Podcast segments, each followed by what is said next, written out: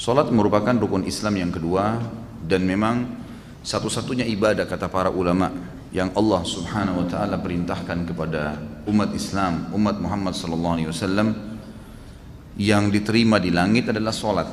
Sementara ibadah yang lain semuanya di bumi.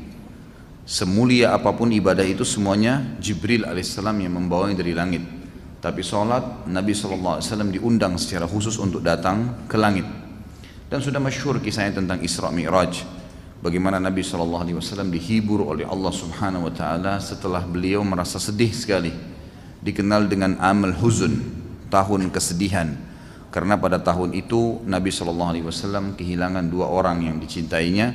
Pertama Abu Talib pamannya yang selama ini mendukung dakwanya dan meninggal dalam keadaan kufur. Sementara yang kedua adalah istrinya Khadijah radhiyallahu anha yang sangat luar biasa pengorbanan cintanya, kasih sayangnya, pengorbanan hartanya dan telah dikarunia oleh Allah Subhanahu wa taala anak dari nabi yang mulia, enam orang anak. Akhirnya meninggal pada tahun itu dan dikenal dengan tahun kesedihan. Maka Allah Subhanahu wa taala menghibur Nabi kita Muhammad sallallahu alaihi wasallam dengan dua kejadian besar. Yang pertama kejadian masuk Islamnya jin Nusaibin. Jadi ada jin dari wilayah Irak namanya wilayah Nusaibin. Jumlahnya banyak dan jin ini cara berimannya cuma mendengarkan ayat yang sudah beriman dasarnya kepada risalah risalah Nabi sebelumnya lalu mereka beriman lalu mereka langsung menjadi dai di kaumnya gitu kan. Kemudian yang kedua kejadian Isra Mi'raj di mana Nabi SAW dinaikkan ke langit dan menerima perintah sholat. Tentu panjang lebar ceritanya. Yang kita ingin titik beratkan bukan kisah Isra Mi'rajnya tapi bagaimana Nabi SAW menerima perintah sholat itu di langit dan ibadah yang lain adanya di bumi. Solat ini didefinisikan oleh para ulama adalah gerakan dan ucapan tertentu yang dimulai dengan takbir dan diakhiri dengan salam. Solat sebagaimana kita tahu banyak sekali jenisnya, ada yang wajib dan ada yang sunnah. Kalau yang wajib dimulai dari yang paling afdal adalah lima waktu solat. Kemudian diikuti dengan solat Jumat. Kemudian datang setelahnya solat-solat yang mendekati wajib atau lebih tepatnya fardu kifayah. Wajib tapi tercukupkan dengan siapa pun yang mengerjakan. Misal kalau sudah ada segelintir muslimin yang kerjakan maka hukumnya sudah gugur. Tapi kalau tidak ada yang kerjakan maka sifatnya wajib. Seperti solat uh, istisqa minta turun hujan. Seperti solat gerhana, solat khusuf dan kusuf. Kemudian seperti solat jenazah. Ada yang sunnah sangat ditekankan. Sholat, malas-malesan. Kapan dia mau dia sholat, kapan dia tidak mau enggak, kapan diawasin dia sholat. Maka ini hukumnya dosa besar. Imam Madzabi mengatakan meninggalkan sholat diangkat pertama dalil oleh beliau surah Maryam ayat 59 sampai ayat 60. A'udzu billahi minasyaitonir rajim fa khalafa min ba'dim khalfun adaa'us salata wattaba'us syahawat fasawfa yalqawna gayya illa man taba wa amana wa amila salihan fa ulaika yadkhuluna al-jannata wa la yudlamuna syai'a. Maka datanglah sesudah mereka, jadi ada orang-orang kalau tidak sholat, maka apa yang terjadi? Akan datang generasi juga yang tidak sholat. Keduanya buruk nih. Pengganti yang jelek akan lahir dari orang-orang yang tidak sholat tadi karena penggantinya juga generasi mereka nanti akan menyanyiakan sholat dan akhirnya setiap orang yang menyanyiakan sholat akan menuruti hawa nafsunya maka mereka kelak akan menemui kesesatan dan kesusahan hidup kecuali orang yang sempat taubat lalu beriman kepada Allah lalu beramal saleh maka mereka lah orang-orang yang nanti kalau meninggal akan masuk ke dalam surga dan mereka tidak dizalimi sedikit pun. Allah Subhanahu wa taala juga berfirman di dalam ayat yang lain surah Al-Maun ayat 4 sampai ayat 5 A'udzu billahi minasyaitonir rajim fawailun lil musallin alladzina hum an salatihim sahun celakalah bagi orang-orang yang sholat maksudnya adalah orang-orang yang lalai dari sholatnya kata ulama tafsir adalah orang-orang yang sengaja menunda-nunda sholat sampai keluar dari waktunya. Ini masuk dalam ancaman. Atau orang yang sengaja males mengerjakan sholat kecuali kalau dilihat oleh orang atau diawasi. Maka masuk dalam ancaman surah Al-Ma'un tadi. Juga orang-orang yang tidak sholat kalau meninggal tidak sempat taubat walaupun itu dia hanya malas-malesan dipastikan akan masuk ke dalam neraka terlebih dahulu. Dalam surah Al-Muddathir ayat 42 sampai ayat 43 Allah Subhanahu wa taala berfirman di mana para malaikat penjaga neraka sakar ada neraka khusus untuk menyiksa orang-orang yang tidak sholat namanya neraka sakar dikatakan masalakakum fi sakar qalu lam naku minal musallin para malaikat nanti akan bertanya kepada orang-orang yang masuk ke dalam api neraka tadi apa yang membuat kalian masuk ke dalam neraka sakar ini maka mereka sendiri menjawab mengatakan kami dahulu tidak termasuk orang-orang yang mengerjakan sholat Nabi kita Muhammad SAW menekankan sekali sholat dan menjadikan tolok ukur kesolehan seseorang dan perbedaan dasar antara keimanan dan kekufuran adalah sholat.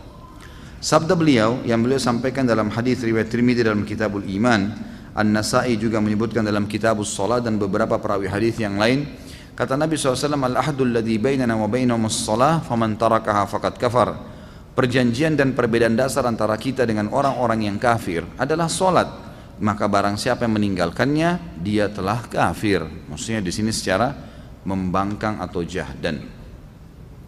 Di antara solat-solat itu ada juga hadis yang lain berbunyi bainal abdi wa bainal syirki tarkus hadis ini diriwayatkan oleh Imam Muslim dalam Kitabul Iman. Antara seorang hamba dengan kemusyrikan dengan dosa-dosa berat yang bisa membuat kekal dapi neraka adalah meninggalkan solat. Artinya orang yang rutin menjaga solat dia akan jauh dari kemusyrikan. Di antara hadis yang lain juga disebutkan riwayat Imam Ahmad dan Al-Mundhiri juga Al-Baihaqi. Dan mereka semua menilai hadis ini sahih. Kata Nabi SAW man taraka as-salata muta'ammidan faqad bari'at minhu zimmatullah.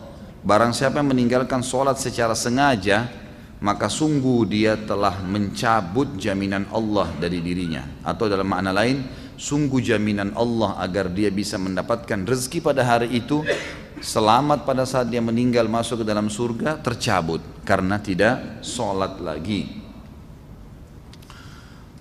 kemudian di antara sholat lima waktu itu sholat yang paling afdal adalah sholat asar. Sebagaimana Allah Subhanahu wa taala menyebutkan dalam Al-Qur'an a'udzu billahi minasyaitonir rajim hafidhu 'alas salawati was salatil wusta wa qumu lillahi qanitin. Jagalah selalu salat-salat kalian terutama yang diwajibkan terutama ya, lagi ditekankan lagi salat yang pertengahan. Kata ulama pertengahan adalah asar. Yang lebih kuat pendapat adalah asar. Karena waktu pagi itu dihitung subuh dan duhur. Dan waktu petang dihitung maghrib dan isya. Maka asar berada di tengah-tengah. Juga ada hadis Nabi Shallallahu Alaihi Wasallam. Hadis ini diriwayatkan oleh Imam Bukhari dalam kitab Manaqibus Salat kata Nabi Shallallahu Alaihi Wasallam manfaatathu salatul asri habita amalu. Barang siapa yang luput melaksanakan sholat asar maka dalam bentuk pengingkarannya memang dia tidak mau sama sekali mengerjakannya maka amal ibadahnya yang lain akan dihapus atau gugur akan menggugurkan semua ibadah dia yang lain. Kemudian saya ingin titik beratkan di sini kepada teman-teman, masalah sholat ada juga hal-hal yang ingin saya tambahkan yang harus diperhatikan. Seperti misalnya usahakan selalu sholat di awal waktu, maksimalkan itu. Jadi usahakan dijadwalkan, ya. Lebih penting bahkan dijadikan sebagai momen lebih penting daripada makan pada saat kita lapar yaitu dengarkan azan sudah ada di masjid terutama bagi laki-laki bagi perempuan sudah standby tentu di sejadahnya kalau di masjid-masjid, kalau musala kantor, musala kantor, kalau rumah dia di rumah ya dia di rumahnya, gitu kan. Maka harus maksimal. Usahakan azan tidak ada aktivitas yang lain.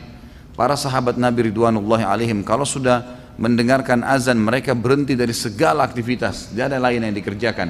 Mereka langsung menuju ke sholat karena itu panggilan dari Allah. Hadis Bukhari berbunyi, Nabi SAW mengatakan, pada saat ditanya amal apa yang paling Allah cintai, maka beliau mengatakan as-salatu ala waktiha. Salat di awal waktunya. Kemudian hadis yang lain juga dan saya sarankan teman-teman lakukan walaupun sekali seumur hidup nih. Kata Nabi SAW, siapa yang selama 40 hari tidak ketinggalan takbiratul ihram imam, maka dijamin baginya selamat dari sifat kemunafikan. Insya Allah tidak akan pernah dusta seumur hidup, tidak akan pernah memungkiri janji dan tidak akan pernah juga dia mengkhianati amanah, dia mengkhianati amanah. Yang kedua teman-teman sekalian, usahakan dalam sholat menghadirkan kehusyuan, konsentrasi. Khusyuk ini wajib, namanya tumak nina, ketenangan dalam sholat. Dimulai dari tenangnya seseorang mengucapkan bacaan, gerakan, melakukan gerakan. Jadi Allahu Akbar dengan tenang. Lalu kemudian mulai dari membaca iftitah, dia menikmatin bacaannya, nikmatin kalimatnya karena per hurufnya kata ulama apa yang diucapkan dalam sholat dan pergerakannya ada nilai pahalanya. Jadi pertama usahakan awal waktu, gitu kan? Dan dari lima waktu sholat ini usahakan lima waktu sholat semuanya tidak kehilangan, terutama subuh. Subuh itu terutama. Biar tidurnya begadang, bunyiin beker, taruh dekat kuping. Gitu kan. Harus saya bangun. Gitu kan. Jangan, jangan sampai kehilangan. Karena kata Nabi SAW, siapa yang sholat subuh, khusus subuh disebutkan, berjamaah di masjid, dia akan dibawa naungan Allah sampai subuh besok nggak akan celaka, nggak akan diganggu orang dan seterusnya, gitu kan? Nggak akan diganggu oleh syaitan, gitu kan? Akan dilindungi dalam hadis yang dikatakan akan dilindungi dari segala keburukan termasuk syaitan. Yang kedua tadi saya sudah bilang bagaimana seseorang itu konsentrasi dan khusyuk, gitu kan? Yang ketiga melakukan gerakan sholat secara khusus. Kita bahas masalah gerakan sholat sesuai dengan ajaran Nabi Wasallam. Jadi jangan sampai gerakan sholatnya salah, gitu kan?